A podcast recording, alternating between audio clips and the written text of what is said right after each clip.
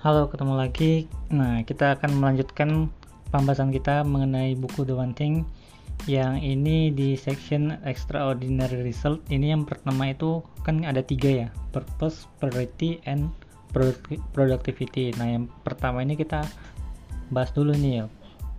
Live with purpose. Jadi hidup dengan tujuan.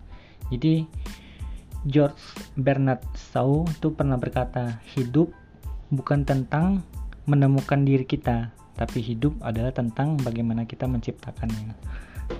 Nah jadi takdir kita itu ditentukan dari keputusan kita dan kehidupan kita akan dibentuk dari pilihan-pilihan kita.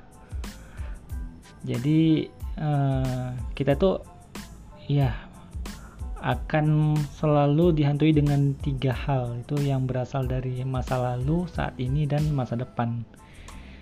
Jadi ya gitulah ya. Hmm, kita harus punya purpose, life with purpose. Jadi uh, pilihan-pilihan kita itu akan terhubung bagaimana kita bagaimana tujuan kita akan menentukan prioritas kita dan prioritas kita akan menentukan produktivitas dalam setiap aksi atau tindakan kita gitu. Nah, jadi ini ada cerita fiksi ya. Namanya si Scrooge. Scrooge ini punya tujuan awalnya itu dia punya tujuan ingin punya banyak uang. Nah, tapi setelah dia melalui peristiwa-peristiwa tuh kan akhirnya dia nggak lagi nih tujuan itu bukan lagi uang tapi tentang manusia atau tentang orang atau about people. Jadi sekarang dia care nih care atau peduli tentang manusia atau orang lain. Jadi dia peduli dengan keadaan finansial mereka atau kondisi kesehatan mereka. Dan dia itu uh, merasa dirinya senang dalam berhubungan atau relationship dengan mereka gitu membantu meminjamkan tangannya sejauh dia bisa membantu gitu. nah jadi apa sih prioritasnya dia si Screw ini? Uh, ketika dia dulu ya dulu dia menyimpan uang kan dia dulu sukanya mencari uang ya. Dulu dia menyimpan uang dan menggunakan orang untuk mendapatkan uang itu. Nah, tapi sekarang dia malah menggunakan uang untuk menyelamatkan atau membantu orang-orang. Jadi kalau in Englishnya itu he wants save money and use people, use people, but now he use money to save people. Jadi kayak kebalikannya gitu ya. Dulu dia menyimpan uang atau save money and use people. Nah, tapi sekarang dia use money to save people jadi uh, prioritas dia itu sekarang bagaimana menciptakan banyak uang sehingga dia bisa menolong sebanyak-banyaknya? Jadi dia produktif untuk mengumpulkan uang-uang dalam rangka membantu orang lain. Nah jadi apa ya siapa kita itu? Who we are and siapa kita dan ke mana kita ingin tuju akan menentukan apa yang kita lakukan dan apa yang akan kita capai. Jadi siapa kita dan ke mana kita tujuan kita ke mana akan menentukan apa yang kita lakukan dan apa yang kita capai. Nah, hidup dengan tujuan itu adalah uh, kekuatan paling besar dan yang paling happy tentunya ya bahagia jadi happiness on purpose gitu jadi mm, no matter our motivation jadi nggak peduli ya. Banyak orang yang nggak peduli apa sih motivasi orang-orang tapi mereka itu kebanyakan ingin yang namanya kebahagiaan. Ter tapi tapi terkadang kebahagiaan itu salah cara pandangnya. Jadi kita memiliki cara pandang yang salah mengenai happiness ini atau kebahagiaan ini. Jadi ada cerita si pengemis dengan mangkoknya itu, mangkoknya yang dia ketemu seorang raja yang sangat kaya sekali. Nah si raja ini uh, bilang apa yang ingin yang kamu inginkan?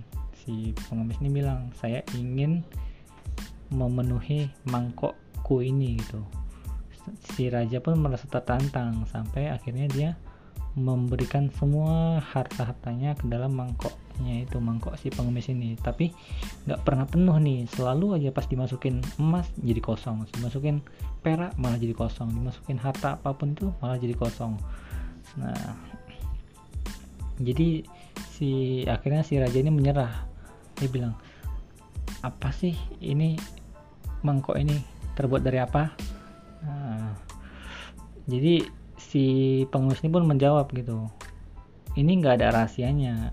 Ini tuh mangkok ini terbuat dari keinginan manusia gitu.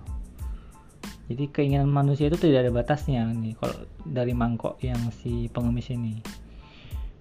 Jadi salah satu tantangan terbesar kita itu adalah memastikan tujuan hidup kita itu bukan seperti si mangkok pengemis ini yang nggak punya dasar gitu. Nggak punya dasar nggak punya lantai yang terus menerus mencari hal baru hal baru terus menerus mencari hal lain yang dia pikir bisa membuatnya happy atau senang gitu. Jadi kita tantangan terbesar itu itu tadi.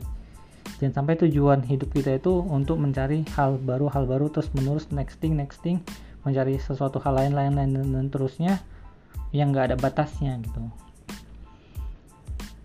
Nah, kita terkadang mikir, terkadang uh, dengan kita memiliki ini atau mempunyai banyak uang seperti ini itu akan membawa kita pada kebahagiaan. Terkad tapi kebahagiaan itu hanya sesaat gitu.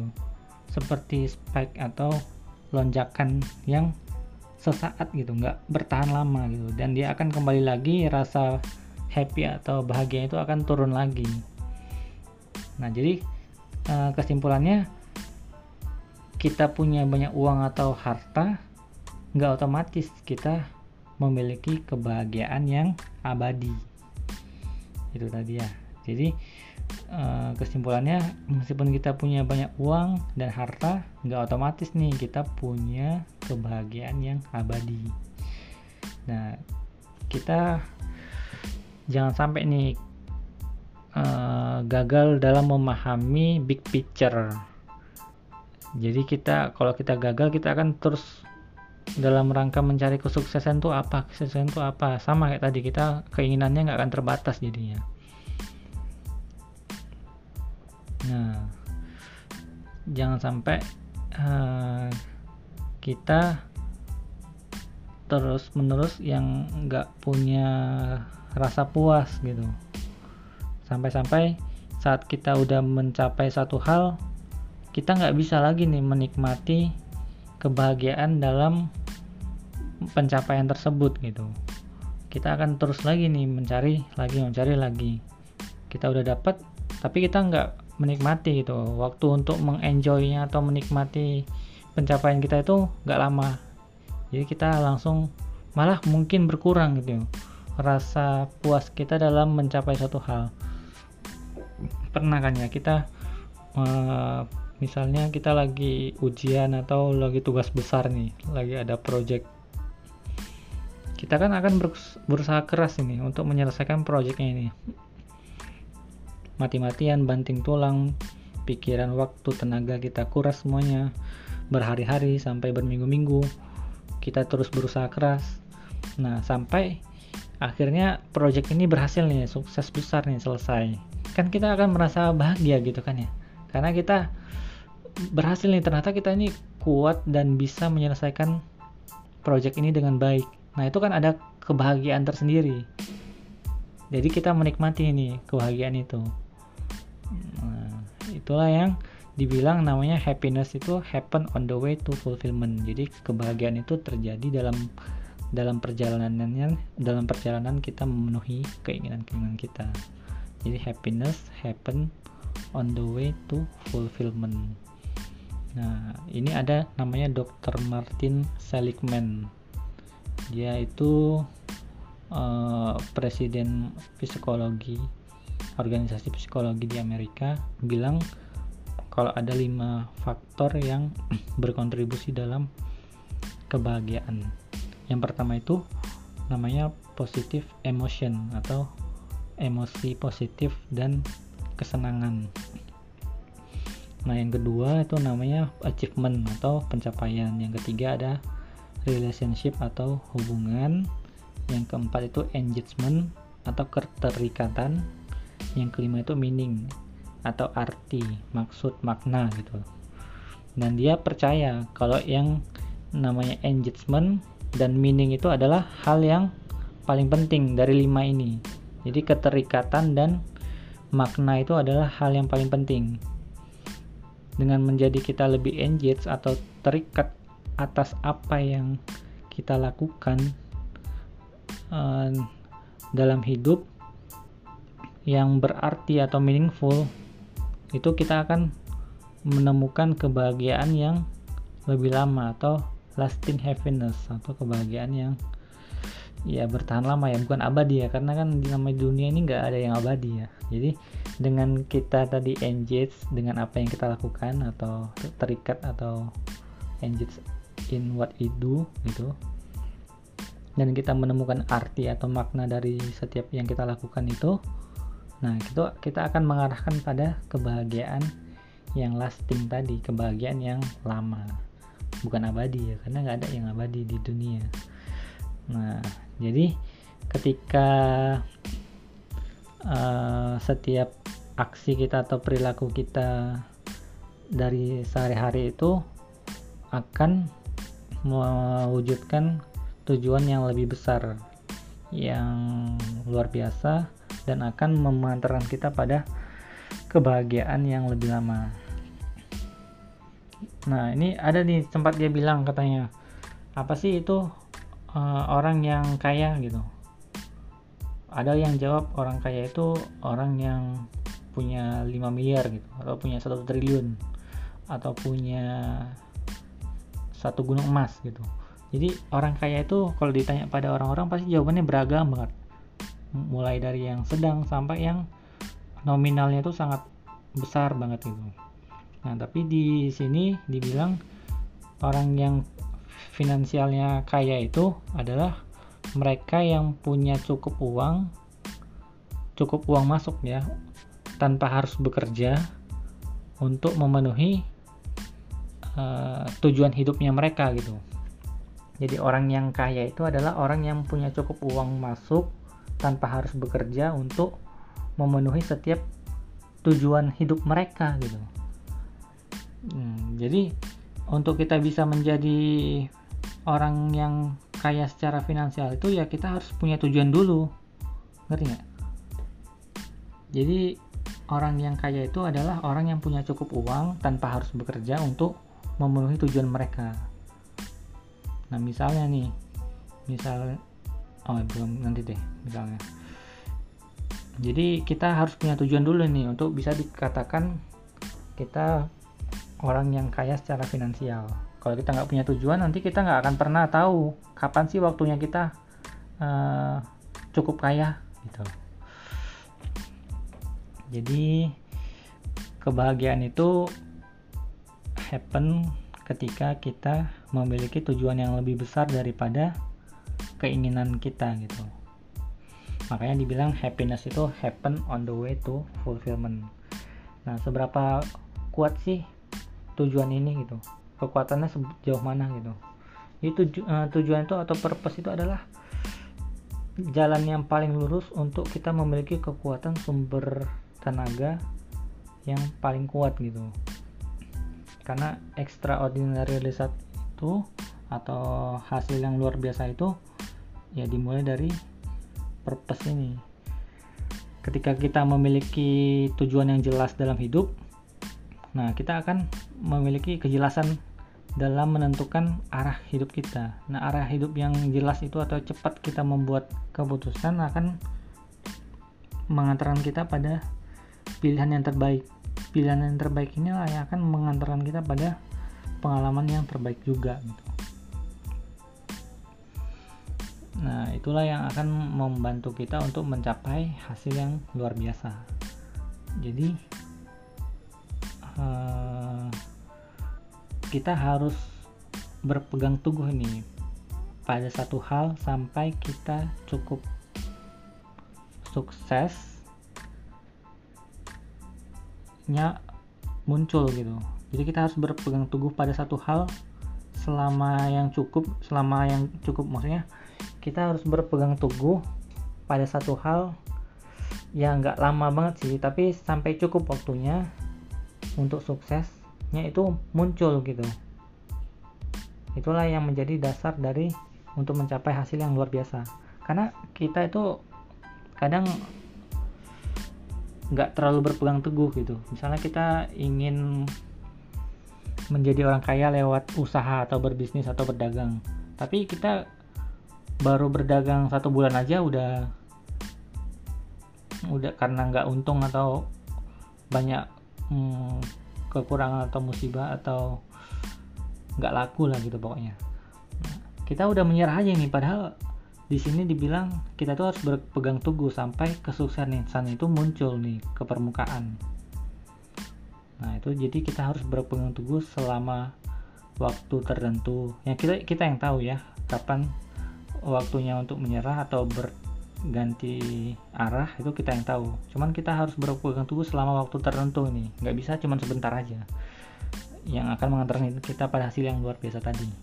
Jadi saat kita apa yang kita lakukan itu seirama atau cocok dengan tujuan hidup kita nah kita hidup tuh akan merasakan seperti dalam ritme yang ritme ritme yang oke okay, gitu setiap langkah kita itu langkah kaki kita itu seperti cocok nih sama senandung suara yang ada di kepala dan di hati kita. Nah itulah dia kalau kita memiliki tujuan hidup dan kita melaksanakannya kita akan merasa dalam ritmenya gitu ritmenya. Ritme ya ritme hidup lah ya. Karena setiap langkah kaki kita itu akan merasa cocok nih dengan apa yang ada di hati kita dan di pikiran kita. Jadi kan pikiran yang ada di kepala di dalam hati itu perasaan dan tindakan kita itu dari kaki tangan dan sebagainya itu akan seirama semuanya. Jadi jangan sampai eh, ya itulah maksudnya dengan kita menjalani hidup sesuai dengan tujuan kita kita akan merasa kita tuh lagi ini lagi bernyanyi atau bersenandung. Kayak kita jangan sampai terkejut nih untuk orang-orang yang dia kerja tapi kok happy banget gitu. Malah kerjanya tuh kadang sambil bersiul atau bersenandung atau nyanyi-nyanyi gitu. Itu karena mereka bisa jadi tujuan hidupnya itu udah cocok sama apa yang dia lakukan gitu. Jadi seirama dari tindakannya dari hatinya dari pikirannya itu seirama semuanya. Makanya dia enjoy dalam melaksanakan pekerjaannya. Uh udah panjang banget ya ternyata kita. Nah jadi itu tadi ya uh, tentang life live with purpose. Jadi happiness itu happen on the way to fulfillment. Jadi kebahagiaan itu terjadi dalam perjalanan kita untuk memenuhinya. Dan cara paling pasti atau paling oke itu adalah membuat tujuan hidup kita lebih besar daripada apa yang kita inginkan. Melalui tadi meaning dan engage gitu. Meaning dan engage. Jadi kita engage atau terikat dengan apa yang kita lakukan dan kita tahu makna dari apa yang kita lakukan. Jadi seirama semuanya.